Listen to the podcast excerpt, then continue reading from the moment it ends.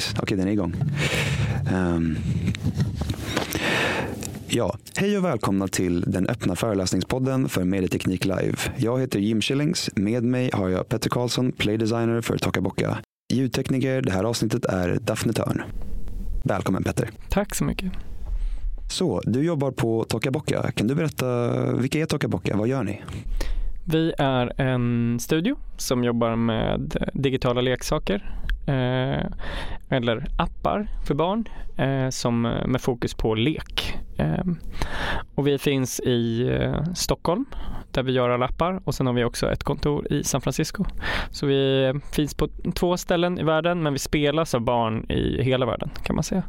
Och just att vi gör appar som, är, som har som huvudmål att, eh, att vara roliga och som man leker med snarare än att vi gör appar som, som också ska fylla ett syfte som till exempel utbildning. Det, det kan man summera oss och de är till för barn som är mellan 6 och 9 år nu. Coolt, men vem är du själv? Hur, hur kommer det sig att du, du kom just till Tokaboka?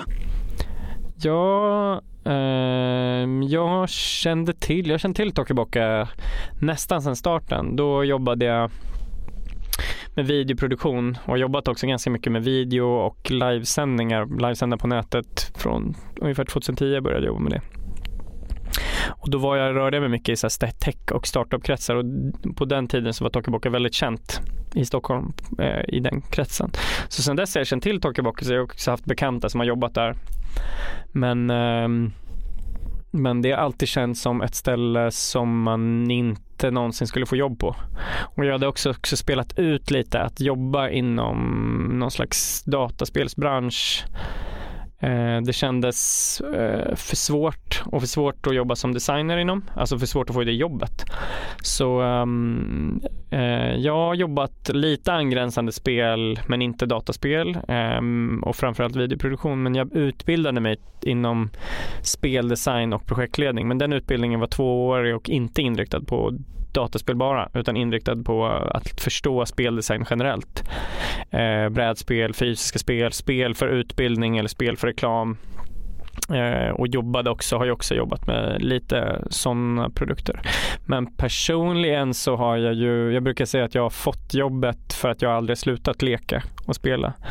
Eh, och jag tror att det är väl många som kan känna igen sig i det att det är liksom, man spelade när man var spelade och lekte när man var mindre men spelar fortfarande. Jag tror att det är mycket mindre, bara under de senaste tror jag, fem åren känns det som att det är liksom okej okay som vuxen att säga att jag går hem och spelar Switch nu eller att spela Playstation hemma eller något. Det har hänt otroligt mycket kring liksom någon slags stigma och tabu att som vuxen spela tv-spel eller dataspel eller andra spel.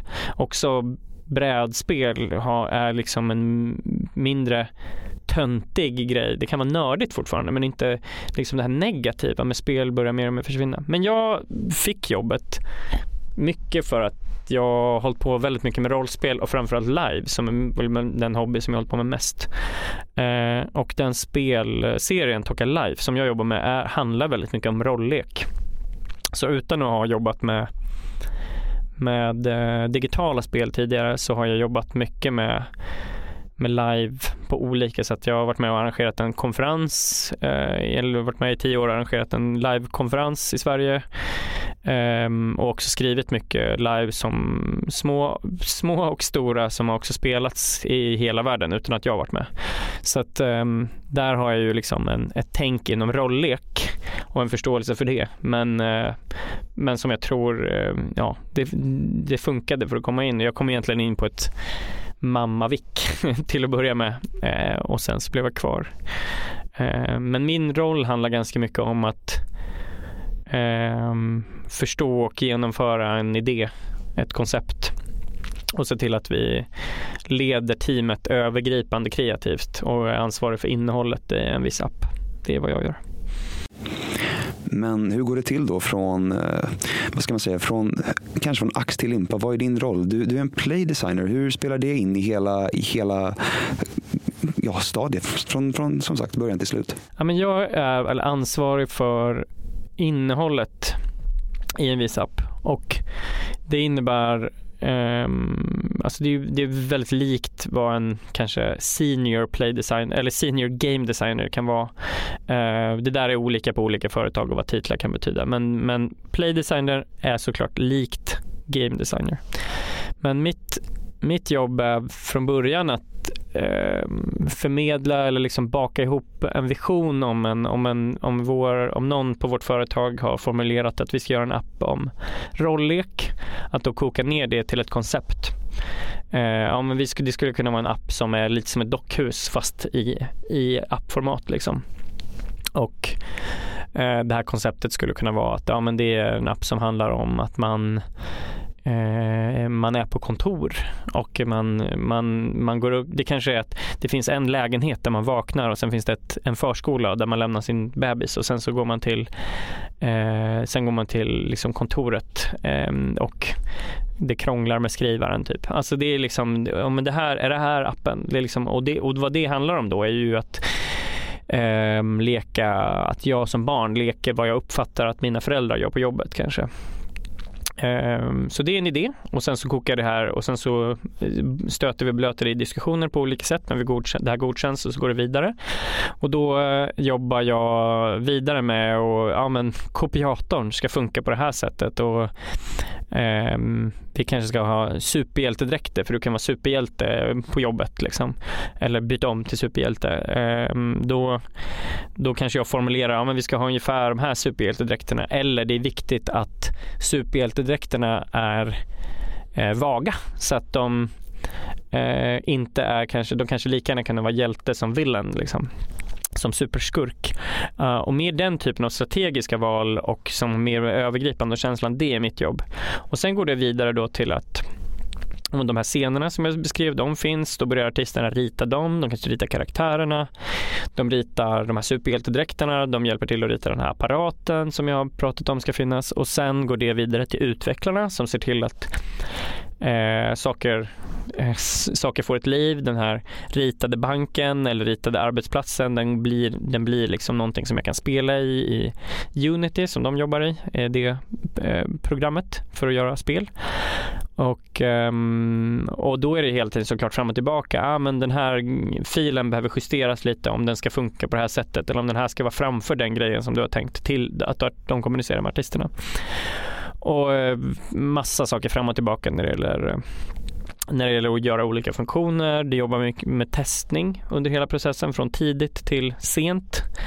Att vi eh, att vi möter barn och de kanske tittar på bilder som vi har ritat. Eh, känner de igen att det här är en bank? Eller inte. Eh, känner de igen att det här är en förskola? Eh, och om de inte gör det får kanske vi får justera någonting. Och sen så eh, testar vi med barn igen liksom när vi har någon sak som är digitalt, tidigt eller sent, eller tidigt och sent. Eh, förstår de vad de ska göra? Är det här roligt? Um, och så är det massa så, saker så fram och tillbaka. Det är också folk som internt jobbar med testning och bara ser att det är, blir av med buggar och krascher och konstiga saker eller bara att saker saker, eh, kanske bara synpunkter om saker stämmer bra med appar vi gjort tidigare. Det här, håller det här ihop på ett bra sätt? Um, och eh, sen är det förstås ljudläggning och musik och animationer och sånt som också liksom mer bakar ihop till en helhetsupplevelse och sen, sen eh, är den ganska, den är inte jättelång men det är en väldigt viktig process på slutet att bara baka ihop så att det här kan släppas på, på olika plattformar och vi jobbar med Apple, eh, Google Play och Amazon Store eh, och att det fungerar på de plattformarna specifikt eh, och testa för det. Det är mycket av det som testningen innebär att se att det är samma upplevelse på en, på en liksom Apple iPad som det är på en eh, Android tablet. Eh, och sen släpper man och då läser man recensioner och ser om det är något och ofta kan det vara så att man vill korrigera någonting som man upptäcker när man liksom släpper det på global, global skala att det är liksom, ja men det här behöver du justera. eh, någon, någon bugg som man upptäckt eller något och så fixar man det och sen, sen går det vidare, ofta till nästa app redan lite innan. Så. Så intensivt men kul. Ja, men det beror ju på. Det här är ju utslaget i, mitt, i min app. I den approduktionen som vi jobbar med ligger väl en, en app på kanske från idé till, till färdig produktion mellan ja, men kanske ett halv, upp till ett halvår. Mm, eller ja, idéer kan finnas ännu tidigare men sen kanske det, huvudproduktionen ligger på ungefär tre månader. Men det är, inget, det är inte alltid så heller. Det, det där kan variera jättemycket och andra appar som inte ligger liksom i en serie som den jag jobbar med kan ta upp till ett halvår eller ett år eller ännu längre tid. Eh, så det beror verkligen på vad, vad man gör eh, och vad det är för produktion. Men eh, oft, ibland mer stressigt än kul för att det är liksom tajta deadlines och det är som vilken arbetsplats som helst. Det, det, kan finnas problem inom team och allt möjligt sånt men oftast är det kul och oftast är det liksom bra stämning och roligt eh, och då är det ju då är man ju väldigt glad att gå till jobbet om det är så. Jag tänkte fråga lite, gå tillbaka till, du pratade om designprocessen som så eh, och ni gör ju saker för barn. Eh, du talade om det tidigare att ni jobbar, inte nu men under föreläsningen, att ni jobbar från ett kids perspektiv. Hur funkar det? För att barn och vuxna har inte samma sorts intuitionsram tänker jag. Du vet, om, om du är vuxen då vet du kanske hur någonting fungerar och du gör på, på ett visst sätt och du gör det per automatik medan ett barn kanske lär sig medan de lär. Hur funkar det? Mm. Ja, men vi pratar mycket om kids perspektiv eller barnperspektivet och um, Mm, det handlar om ganska många olika saker. Dels så är det viktigt att titta på barns vardag idag eh, och att barn har mycket mindre tid för lek till exempel än, än de har haft tidigare. Att det är sådana liksom, problem som barn möter för det gör också att har de mindre tid för lek så eh, har de egentligen mindre frihet i sitt liv för det är ofta det de gör på sin fria tid, att leka. Eh, så det är ju något vi vill, då vill vi göra leken så bra som möjligt för dem. Men också slåss för deras rätt, eh, rätt för lek. Ehm, barnperspektivet handlar ju mycket om att titta på um, att upplevelser ska göras ur barnets perspektiv. Alltså är det, är det begripligt för ett barn? Är det roligt för ett barn? Det är, också, det är väldigt lätt för oss när vi gör saker och vi har en hel del liksom referenshumor som ibland hamnar i våra appar och sånt. Ehm, att det vi inte gör saker som liksom går över huvudet på barn utan att det är liksom det är roligt och, mm, och det märker vi också genom test liksom att det, det finns ja, ett exempel som jag brukar komma tillbaka till när det gäller humor och det är att vi hade två bajamajor i en app som är, ehm, det blev liksom en ridtävlingsarena och då, men kan vi inte göra något kul här? Och så bara, men vi har en dörr stängd och sen så sätter vi en fågel på toalettsitsen. Och det är liksom lite kul. Det är liksom inte jättekul, men det är liksom lite kul ändå. Och nästan varje gång barn öppnar den dörren så skrattar de jättemycket. Alla skrattar inte jättemycket, men många barn tycker att det är fruktansvärt roligt att det är en fågel i bajamajan på sitsen. För att det är fel. Och det är liksom, vuxna reagerar inte alls på det här skämtet på det sättet. Men, eller den här subtila, liksom, lilla knasiga grejen. Men barn kan tycka att det är jätteroligt. Uh, och också att barn, och det gör vuxna också, men barn gillar ju såklart också att leka med det som är förbjudet och fel. Eh, för att det får de inte göra och i, i en sån här appmiljö så kan de ju göra det utan att, utan att det liksom, någonting händer. Och de, de vet att det är så här, det här är liksom, ja men vänta, slänga en lampa i toaletten och spola liksom. Alltså det är klart de inte gör det på riktigt. Men, eh, men här kan de göra det utan att det är någon som stoppar dem. Och det, är, och det är också fånigt och enkelt men det är kul för att det är fel. Liksom. Um, så det, men det finns jättemycket och jag, alltså, jätt, man kan prata väldigt länge om barnperspektivet men egentligen handlar det om att vi ehm, behöver mäta saker hela tiden mot att det här är greppbart och kul för barn. Liksom.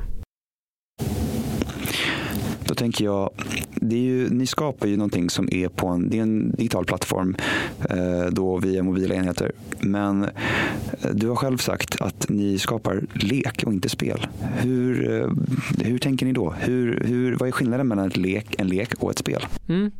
Eh, ja, men vi skapar ju leksaker eh, och eh, man kan egentligen inte skapa lek. Däremot kan man designa för designa mot lek eller designa för att skapa lekfullhet. Och lekfullhet är, eller playfulness på engelska, det här är jätteintressant när man börjar prata om det på olika språk.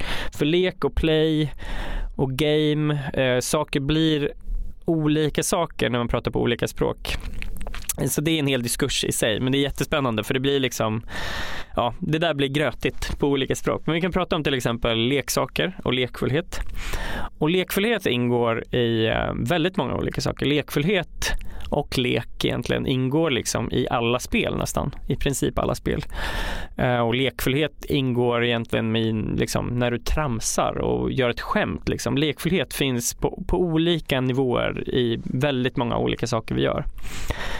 Ehm, och leksaker i sig, om man jämför en leksak med ett tydligt spel. Så vi kan tänka oss ett tydligt spel är till exempel schack. Eh, schack har en slags tematik, alltså det är någon slags kung och drottning och bönder, eh, men det är inte så mycket mer påskalat än så. Och sen finns det tydliga regler. Det finns liksom, ja men du kan göra det här och det här med de olika pjäserna och målet med schack är hela tiden att vinna. Alltså du ska, du kan spela schack på andra sätt också. Du kan bryta upp reglerna och göra något annat schack liksom. Men oftast det vi alla känner till som schack är det och du kan också tävla i schack och så. Och om du jämför schack med eh, ja, men en, om vi kan ta något som ändå är liknande. Du har några liksom plastfigurer som är bönder och plastfigurer som är eh, riddare och torn och, eh, och en kung och en drottning. Då har du saker som egentligen är samma tema. Men de har inga regler. Det är inget system till det här utan det är bara dockor som du sen skapar en fantasivärld med i huvudet. Alltså du bara, du leker med de här figurerna och ja men du är kungen och du är drottningen och nu är det krig mellan de här två och kungen förråder drottningen och startar krig med riddarna och bönderna försvarar. Alltså det, och du kan göra vad som helst och lekar är ofta väldigt spännande för att lek, när du leker någonting eh, på, tänk dig att du leker eh, på en, i en lekpark liksom och det är, flera, det är flera barn och du kanske är med liksom leker med de här barnen. Så bara, nu är det jaga. Okej, okay, så leker ni jaga och sen så kan barnen helt plötsligt säga typ så här, nej, nu blev du, eh, nu är du läkaren och eh, nu måste du, eh, du, du, får bara göra det här. Eller du, alltså de, de kan helt plötsligt bara ändra allting.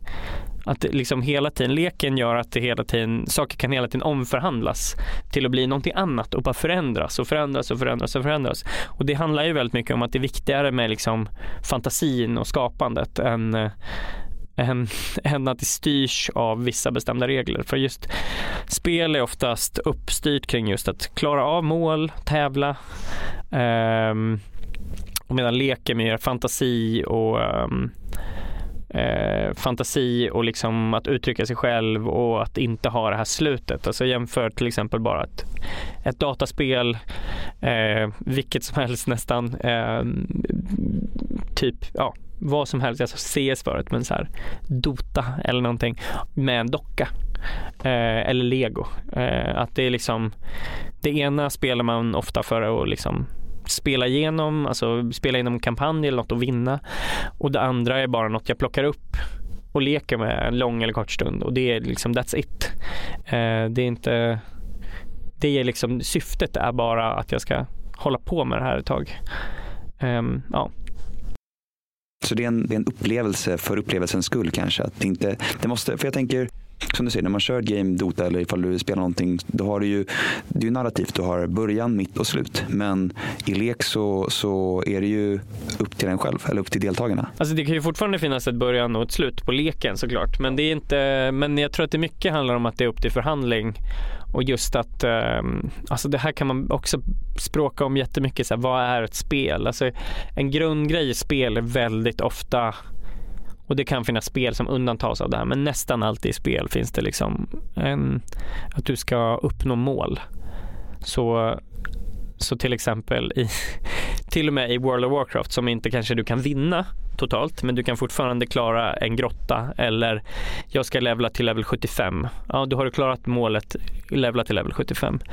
Eller i The Sims att så här, jag ska lyckas få det här jobbet liksom. Medan i i våra spel så är det mer så här, du bestämmer dig för att göra en jättefin figur med regnbågshår.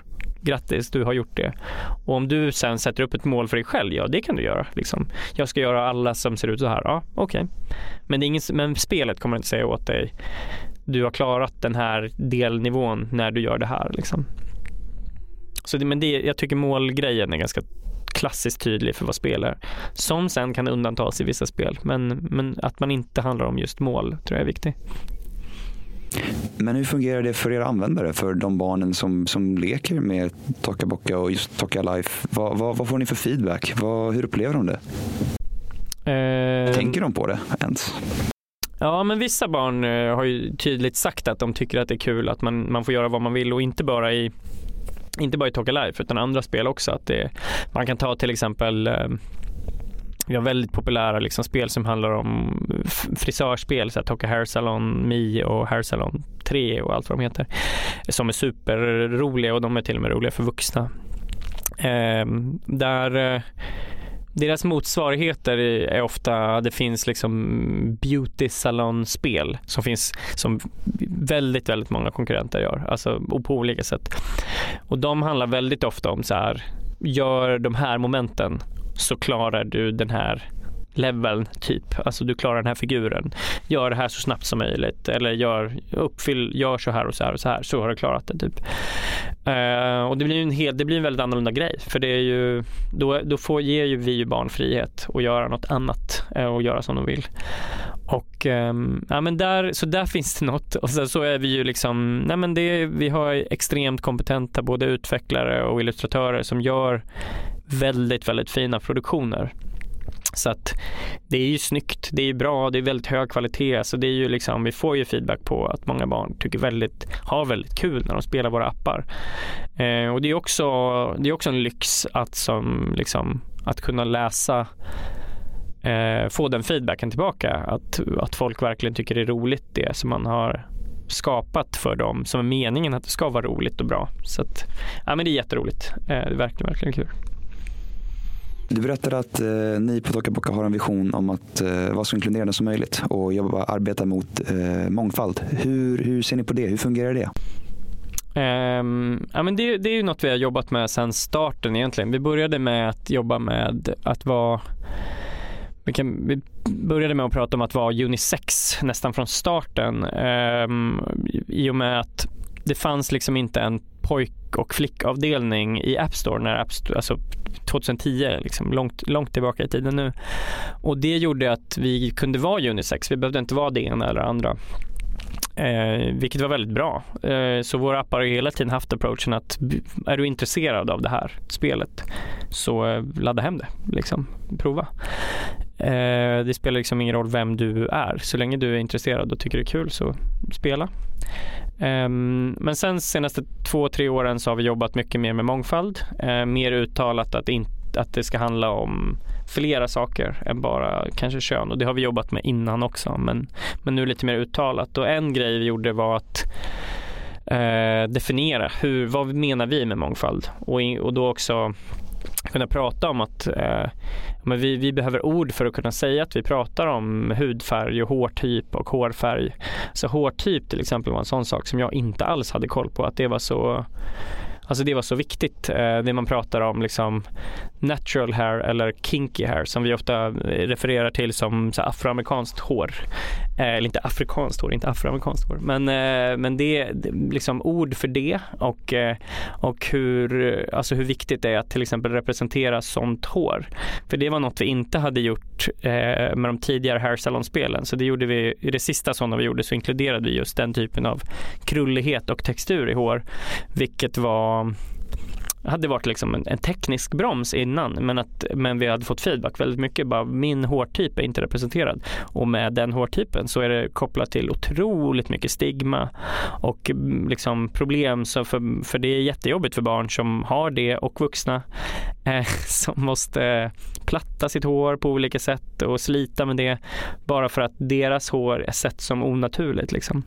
Så hår var ju en sån grej framförallt när vi gjort mycket hårspel som gjorde att man tänkte väldigt mycket på det. Andra grejer är liksom tänka på ålder, familjestruktur.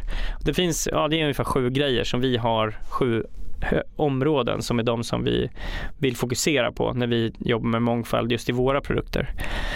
Um, så det är ju något vi har jobbat med väldigt mycket senaste åren och, och titta på och det handlar ju väldigt mycket om att just för att kunna jobba med det på ett ärligt sätt tror jag att man måste kunna prata om det på sin arbetsplats och innan man har definierat vad det är vi använder för ord eller i alla fall börjar använda för ord så är det eh, nog omöjligt tror jag. Eh, och framförallt för oss som jag själv som är liksom vit man som är så här, ja men jag tänker att jag är ganska medveten om många saker och, och förmodligen så är jag inte det om väldigt många saker.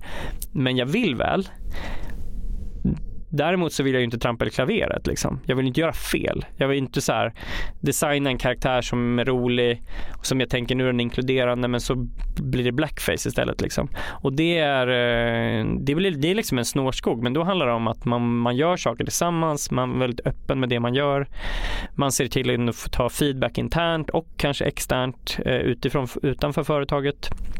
Så det är liksom hela tiden en slags det är en sån här konstant lärandeprocess eh, för att förstå mångfald och bredda sin kompetens inom det och inse så här, fastän vi trodde vi gjorde rätt här, men vi gjorde faktiskt fel. Det här måste vi göra om eller det här måste vi göra bättre eller, eller så får man feedback istället och säger någon säger, någon hör av sig och säger så här, åh gud vad bra att ni gjorde den här Eh, den här karaktären eller representerade den här familjen på det här sättet. Eh, det, min bror är så här och så här och eh, han, jag känner igen liksom honom i det ni har skapat.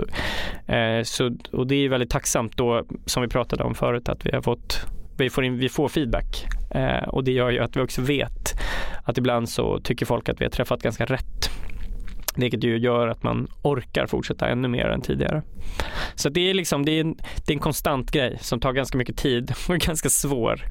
Men, eh, men också eh, känns bra att jobba med och också känns väldigt viktig att jobba med. För att det är liksom jag ser det som att vi har någon slags yta mot miljoner barn varje månad som spelar våra appar. Att se till att de får en upplevelse där vi representerar dem eller representerar liksom en, kanske en bredare del av världen än, än just de eh, befinner sig i själva. Liksom. Eh, och det vet vi ju liksom klassiskt både i spel hur ehm, men kvinnor representeras väldigt ensidigt eller att folk med liksom annan hudfärg representeras undermåligt och så vidare. Så det finns liksom, det finns ju så otroligt mycket att göra i branschen generellt där vi måste, vi måste ta vår, vår del av kakan, liksom vårt, vårt ansvar i det hela och propsa på att göra så mycket som möjligt. Jag tycker ändå det är ett inspirerande första steg. Ni är ju en, en av de första kontakterna barn kan få i en slags spelmiljö. Det finns ju såklart spel för, för yngre barn men kanske där kognitiv börjar liksom mm, platsa in att alla, det finns massa olika än bara jag. Liksom. Man har inte bara sig själv som arketyp. Att... Mm. Ja, men absolut. Och sen så är det jätteviktigt när man jobbar med sånt att det handlar inte om, det finns ett jättebra exempel eh, eh på på hur man ska göra och hur man inte ska göra. Till exempel om man jobbar med en karaktär som i en, en bok eller ett spel, men om vi låtsas att det är en bok nu, eh, som sitter i rullstol.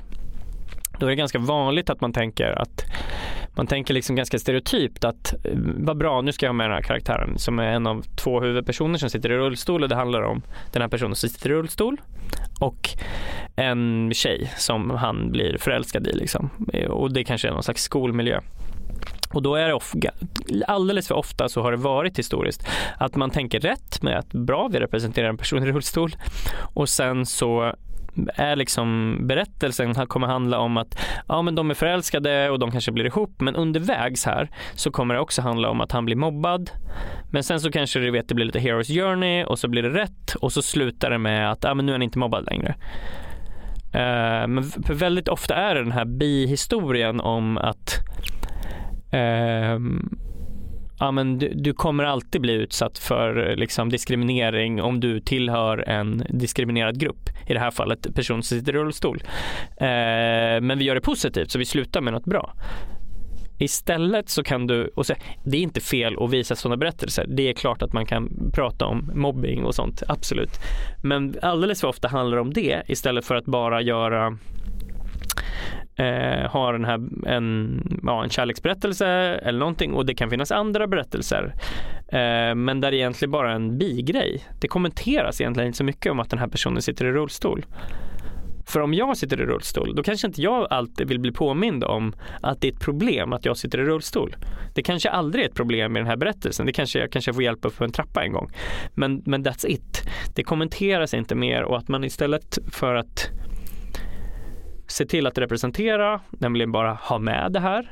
Kanske anknyt något till verkligheten att säga ja men någon gång kanske man behöver lite hjälp. Men inte göra det här till, alltså man kan prata om att göra, andra, göra karaktärer till the others eller något att liksom vi ska alltid påminna om att ditt, ditt problem, ditt stort problem är anknutet till det här. Det blir bra i slutet, men du måste alltid påminnas om att du kommer, du kommer nog bli mobbad i ditt liv för den här grejen.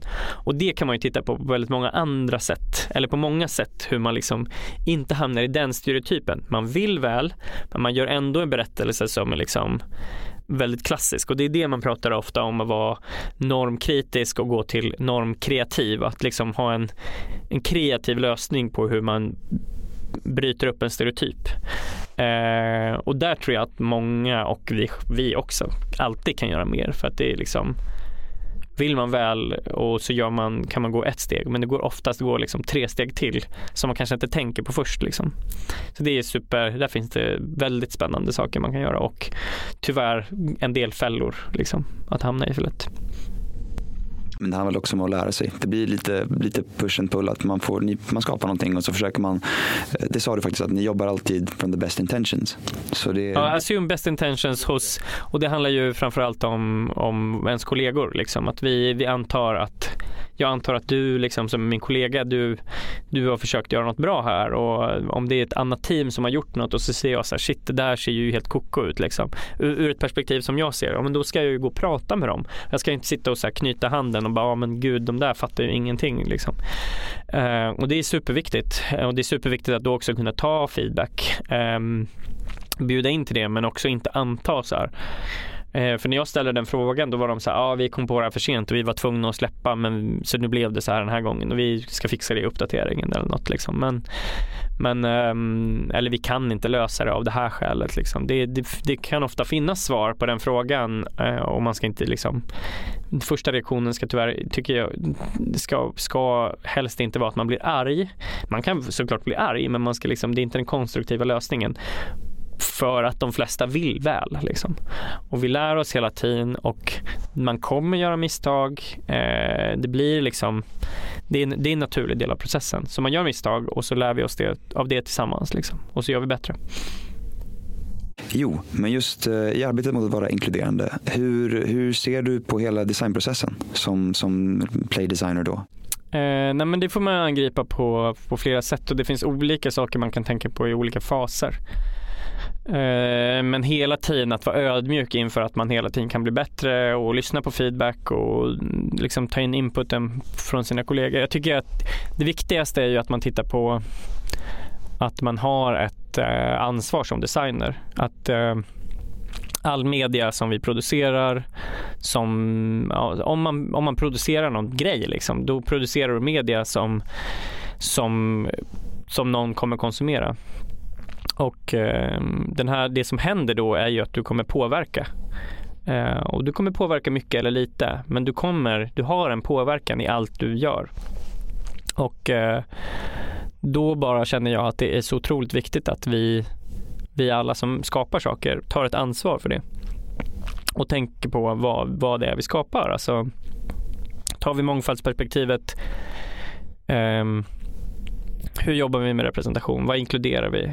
För hela tiden så kommer det vara en fråga om vi inkluderar det här och vi kommer exkludera det här. Till exempel i appserien jag jobbar med, Talk Alive, så är det ganska lätt att jobba med hudfärg.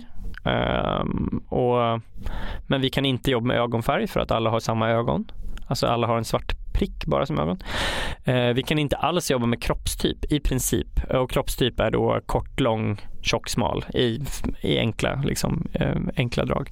Eh, något som är superviktigt. Alltså, och det är ju så här, vi vill ju göra en appserie som där man representerar människor som ser ut på alla olika sätt och det här kan vi just nu inte göra för att tekniskt så är liksom systemet byggt på ett visst sätt och alla kläder är designade på ett visst sätt. Så det kanske man skulle tänkt annorlunda om om man skulle göra om det här från början. Eh, så kroppstyp blir ju en sak som vi inte kan göra i min appserie men vi kan tänka på i andra appar. eh, som vi gör på Tokaboka. Ehm, så det är hela tiden, man behöver vara medveten om de val man gör och eh, ja, försöka, försöka göra så bra som man kan utifrån de förutsättningar man har. Det är ju liksom det går från att göra vissa saker som du kan göra ganska lätt till att, till att det blir väldigt svårt och kostar väldigt mycket. Men du ska i alla fall vara medveten om de valen du gör. Liksom.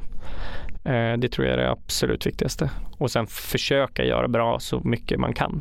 Ta, liksom, ta de chanser du kan till att vara normkreativ. Ehm, istället för att inte göra det. Istället för att bara skita i det. För det är att Um, ja, men det är ju liksom att inte förstå att det du gör kommer påverka människor.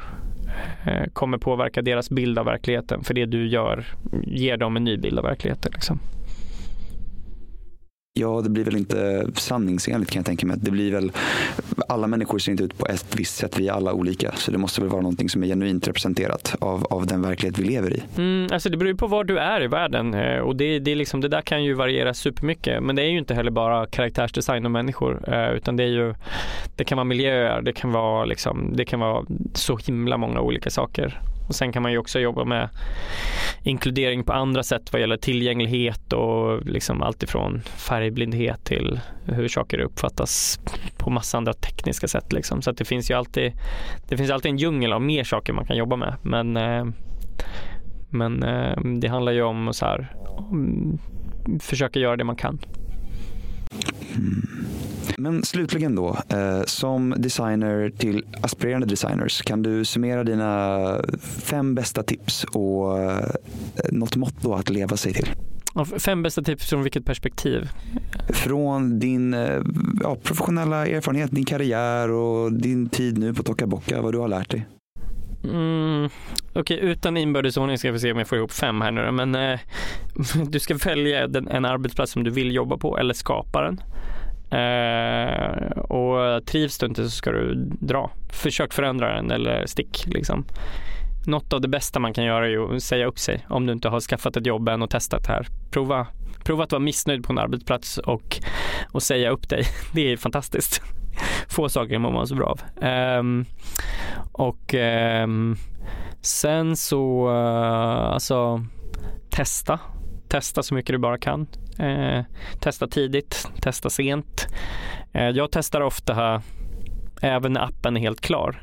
Bara för att så här, när man gjort de sista förändringarna och, nog inte sku, och vi hinner inte göra några mer förändringar som vi hinner testa eh, innan vi liksom släpper. Men vi, men vi har gjort de här förändringarna och de kommer komma med nu i släppet men vi kan fortfarande testa efteråt. Att göra det testet är ofta fantastiskt om det funkar, om allting är som det ska. Det är liksom, du har liksom allt är klart men en jäkligt bra känsla i magen om att så, ja, men det här kommer att hålla när det släpper också. Eh, alltså det är väldigt kul att jobba med barn. det är fantastiskt. Eh, gud, två tips till. Eh, vad är det jag brukar säga här? Ja men jag tror väl både men det här är mer personligt, men jag gillar ju både titta på eh, en helheten och jobba in i detaljer. Liksom att så här, kunna ha någon slags holistiskt perspektiv. Så här, hur hänger den här, det som jag gör nu ihop? Liksom, hur hänger hela appen ihop? Hur hänger appen ihop med andra appar? Men sen och med andra saker vi gör men sen gå ner på liksom, men också gå ner på detaljnivå och våga bry sig om de små detaljerna och titta liksom. Och sen kommer jag på nu mitt allra allra bästa tips och det är ju liksom det svåraste som du kan hålla på med är um, att jobba med människor. Alltså att jobba med team och i människor. Det förutsätter ju att om folk liksom är designers någonsin har jobbat med någon eller gjort ett projektarbete med någon. Men det svåraste blir liksom att um, lära sig jobba med andra människor tight i ett team och förstå framförallt om du är kreativ ledare att människor har olika behov och uh, olika förståelse för saker Ehm, behöver kommunikation på olika sätt, eh, har olika krav på dig. Och det här blir förstås liksom det här kan vara jätte, det här är det som varit absolut svårast någonsin i mitt yrkesliv. Att liksom förstå det här och hitta en balans i det här och hur ska jag agera mot olika personer och liksom eh, Jag vill ju bara vara mig själv liksom. Jag vill ju bara vara på ett sätt. Men om du ska få folk att göra det du vill så kommer du behöva liksom Eh, ofta, ibland så kommer du behöva vara extremt ödmjuk. Ibland så kommer du behöva vara extremt tydlig. Ibland så kanske du måste vara väldigt flexibel. Och det är så här, det här är mitt sätt att jobba. Det finns andra som är bara på ett sätt. Det finns andra som folk bara tok respekterar och som bara kör på som en ångvält och ibland därför också kanske bränner ut folk. Ibland inte. Eh, men, men för mig har det varit väldigt viktigt att förstå um, alltså hur jag behöver kommunicera för att få med mig folk. Och, ehm, men också att det är väldigt viktigt som hur vi jobbar att det är inte bara jag, eh, jag, jag, jag som har idéer som sen ska genomföras. Hos oss är det jätteviktigt vad artisterna liksom väger in i att rita ett, en förskolescen och då hittar de på en massa saker i den och, eh, och sen liksom vad resten av teamet kommer med för input. Alltså utprogrammerarna får en idé som de kommunicerar med, med mig och med artisterna om, men kan vi inte ha det här, kan vi inte göra en rolig grej om det här liksom åt, att få teamet då tillsammans att brinna för det här och tycka att det är kul, det är liksom det är jätteviktigt för oss eh, för att ha roligt på jobbet liksom och att det inte är så här någon slags one man show att några få bestämmer allting utan att alla känner att de är delaktiga i, arbets, i arbetet och processen. Det är, jag tror att det är lite generellt så hos oss men det är verkligen så jag försöker jobba. Att det är liksom, folk ska få känna att de påverkar och är med och att deras, deras röst är också viktig. Liksom. All right. Med det vill jag tacka så mycket för Petter Karlsson, Play Designer på Tokaboka. Tack för att man fick komma. Uh-huh. Om du har några, vad heter det, kan man nå dig på något sätt via sociala medier? Uh, ja, det finns på uh, kanelbulle. Eh, jag finns på Petter Karlsson på Instagram och Twitter, inte superaktivt, men det som kommer på Twitter är däremot bra. Eh, och sen så finns jag på petterkarlsson.se om man vill lite blandat läsa om vad jag jobbar med och sånt. Jättekul att man fick komma hit. Tack så mycket. Det här har varit öppna föreläsningspodden för Medieteknik Live. Jag heter Jim Schillings. Med mig har vi haft Petter Karlsson. Ljudtekniker har varit Daphne Törn.